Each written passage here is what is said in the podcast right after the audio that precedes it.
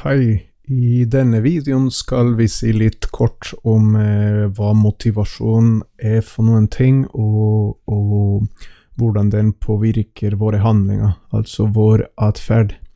I utgangspunktet eh, har du sikkert lest i boka mi om, eh, om dette her, eh, så det vil gi deg litt eh, eh, Det kan være en oppsummering av det du har lest.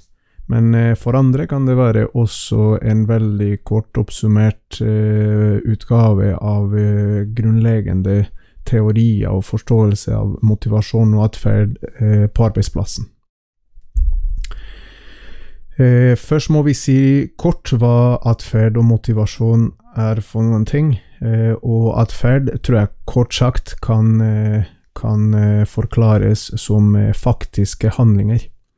Det betyr ikke at det er nødvendigvis bare de handlingene vi ser, altså oppførselen eh, til folk, men eh, det kan også være handlinger som vi gjør i hodet, så kognitive handlinger, tankevirksomhet. Men altså atferd er det vi gjør. Eh, den store norske leksikon forklarer det sånn atferd er den totale personlige eller gruppemessige menneskelige oppførsel og uttrykksform hvordan vi oppfører oss og uttrykker oss. Motivasjon, da, hvordan henger det sammen? Jo, motivasjon er det som ligger bak atferden. Eh, det er drivkrafta som, eh, som eh, påvirker hva vi gjør. Og det finnes ulike teorier og perspektiver som forklarer motivasjon. Her kommer veldig mye fra psykologien, men eh, også fra sosiologi.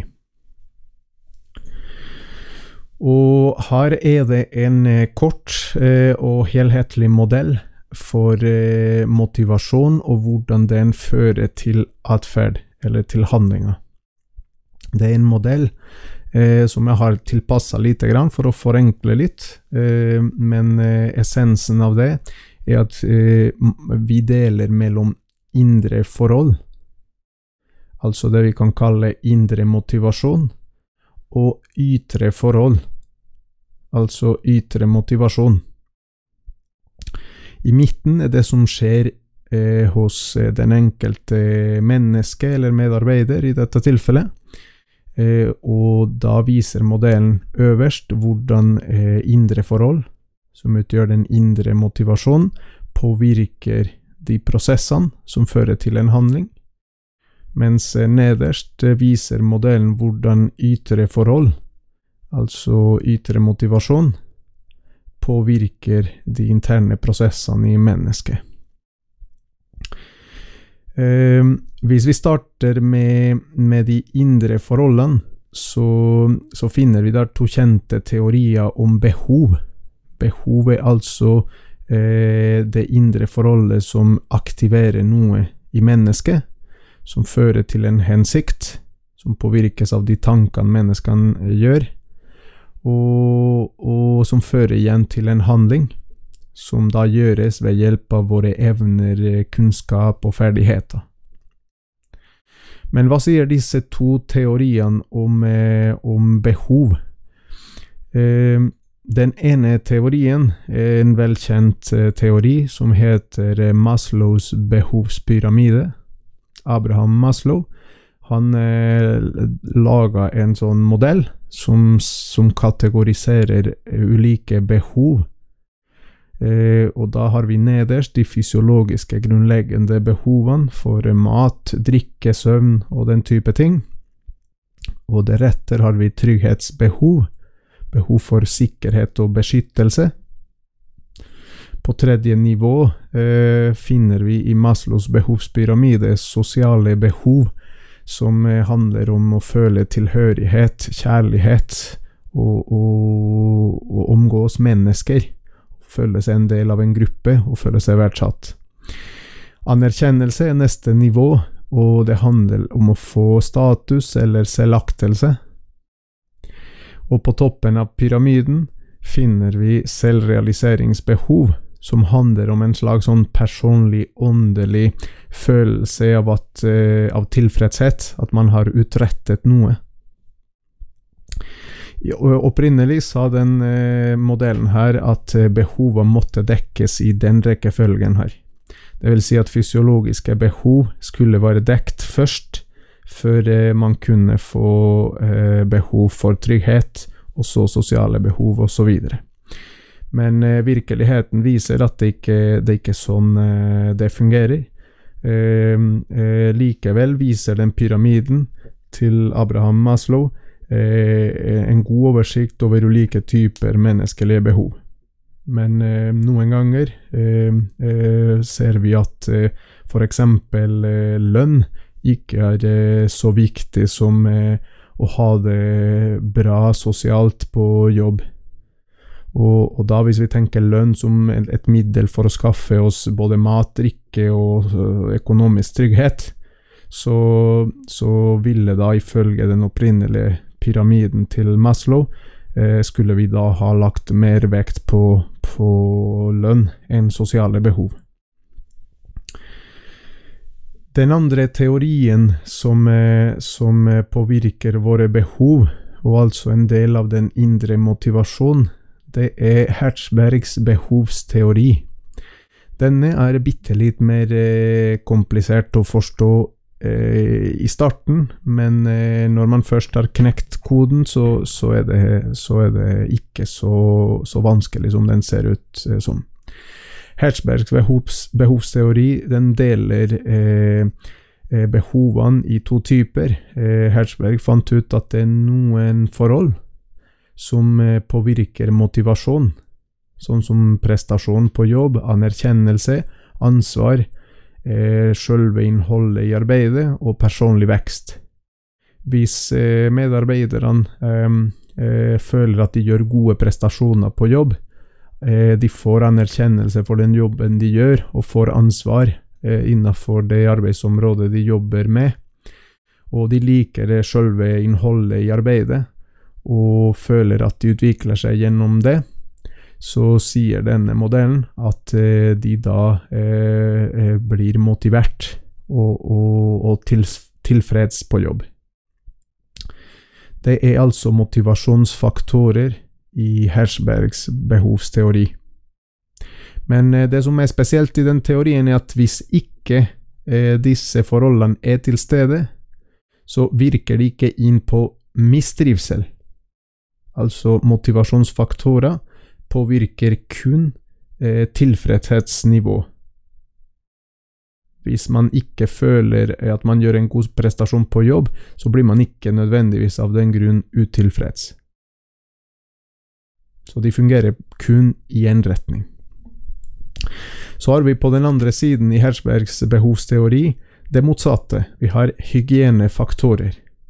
Og dette er forhold som som eh, fungerer sånn at hvis de er til stede, eh, så, så, påvirker det utilfredshetsnivået. Medarbeiderne blir utilfreds og demotivert. For eksempel eh, har vi her at hvis man har dårlige arbeidsbetingelser, dårlig lønn og sikkerhet på jobb, eh, en bedriftspolitikk som er uheldig eller urimelig, dårlig ledelse, og mistrivsel mellom kolleger, konflikter og, og anspenthet eh, på jobb. Hvis de tingene er, er, til stede eller finner sted, da, da er ifølge modellen medarbeiderne utilfreds og, og ikke motivert på jobb. Men hvis man har en grei lønn og gode nok arbeidsbetingelser og en god bedriftspolitikk, så betyr det ikke at man dermed er motivert, nødvendigvis. Altså, de fungerer, hygienefaktorer fungerer også i den ene retninga, mot utilfredshet. Det er kort sagt det Hertzbergs eh, behovsteori eh, handler om. Og de forklarer, som sagt, eh, eh, de indre forholdene som utgjør den indre motivasjonen hos mennesker. Etter at eh, de behovene har aktivert noe i oss, så går det videre til eh, våre tanker, eh, som da påvirker hvilken hensikt vi har, eh, og igjen fører til en handling, eh, som er den faktiske atferden. og hvordan vi utfører den handlinga, det er påvirka av den kompetansen vi har. På den andre siden har vi ytre forhold, og ytre forhold, det handler om eksterne stimuli, belønninger, rammer og miljø. Stimuli eh, Vi bruker en del sånn fremmedord her, men eh, jeg skal prøve å forklare ting eh, kort og enkelt. Stimuli er rett og slett eh, eh, påvirkning av våre sanser. Mennesker, vi har fem sanser. Luktesans, eh, smakssans, følesans. og et eller annet som påvirker en av våre sanser, det er en stimulus og de er eksterne, for de kommer utenfra. Et eksempel kan være en, en, kollega som roper om hjelp med en arbeidsoppgave. Kan være på en byggeplass en, en håndverker som roper eh, til en kollega om at han trenger hjelp med noen ting. Eh, stimulus i, i, det tilfellet kan være selve eh, rop om hjelp. Det kommer fram til, til den andre medarbeideren gjennom hørselen. Og da kan Da, da aktiverer det ropet aktiverer noe eh, inne hos eh, medarbeideren, som hører den andre ansatte eh, be om hjelp. Og han f.eks. vet at eh, hvis han hjelper eh, kollegaen som ber om hjelp, så vil kollegaen vise takknemlighet og det oppfattes som en belønning for den andre ansatte. Og nettopp at han vet at det er en belønning å få, vil gi han en hensikt til å gjøre noe. I dette tilfellet den endelige handlinga, som er å hjelpe kollegaen sin. Handlinga påvirkes også av hvilke rammer og miljø medarbeideren befinner seg i, og det handler både om fysiske, fysiske ting og, og det vi kan kalle eh, ledelsesmessige eller psykososiale ting. Eh, om og miljø kan være fysisk, kan være selve utformingen av arbeidsplassen. At eh, byggeplassen f.eks. Eh, eh, gir han adgang til det stedet hvor kollegaen holder på å jobbe, sånn at han faktisk kan komme fram dit og hjelpe. Men ramma kan også være at ledelsen gir dem frihet til å samhandle og, og hjelpe hverandre når det er behov. At de ikke er så veldig styrt. Det kan også være enkelt eksempel på rammer og miljø, som påvirker eh, på en annen måte hvordan den faktiske handlinga utføres. Det er altså en helhetlig modell for motivasjon og atferd. Og da eh, kan det være noen som lurer på hva skal du som leder med kunnskap og motivasjon? Jeg tror at eh, de fleste vil eh, skjønne at dette er viktig for eh, når du skal lede mennesker. Men, eh, men i tillegg så, så, tror jeg at eh, det, det, går an å, å tenke på at det finnes studier og forskning som viser at motiverte medarbeidere gir faktisk bedre resultater på jobb. Eh, jeg satt og leste på nettet en artikkel fra forskning.no som, som, sier at motiverte ansatte gir mer fornøyde kunder. Hvis vi tenker litt tjenestemarkedsføring, relasjonsmarkedsføring, så, så viser eh, eh, det at fornøyde kunder gir også lønnsomhet. Så sånn sett er det, er det eh, lønnsomt, for bedriften å ha motiverte ansatte. I den artikkelen fra forskning.no, der der vises eh, altså eh, til, eh, til, en studie som, som fastslår nettopp det at motiverte medarbeidere fører til, til, til fornøyde kunder. Men i tillegg forklarer artikkelen ulike motivasjonsformer, og dette her henger sammen med det vi har snakka om nå nettopp. I artikkelen står det at indre motivasjon er den indre belønningen medarbeideren får av å utføre jobben. Hvor interessante arbeidsoppgavene er for den ansatte, og hvor mye tilfredshet, glede eller mening de gir i seg sjøl. Det stemmer med den helhetlige modellen eh, vi har snakka om, om indre motivasjon. Eh, mens ytre motivasjon er mer sekundær. Dette er motivasjon som er knyttet til resultater av det utførte arbeidet. Og de vanligste er lønn, bonus, provisjon eller sosial prestisje, altså ting som kommer utenfra.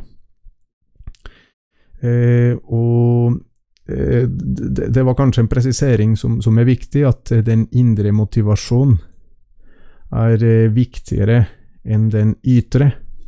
Men det betyr ikke at det, du må velge enten-eller. Begge må være til stede. Men det som er enklest for deg som leder å påvirke, er selvfølgelig eh, den ytre motivasjonen. For det er ting som kommer utenfra den enkelte medarbeider, som du da kan legge eh, opp til. Mens indre motivasjon kan vi bare påvirke indirekte. Altså hvilke behov den enkelte medarbeidere har, og hvilke tanker en gjør seg. Det, det har vi andre eh, relativt begrensa påvirkningskraft overfor. Dette var altså en eh, kort og komprimert eh, gjennomgang av eh, teori rundt motivasjon og atferd eh, på arbeidsplassen.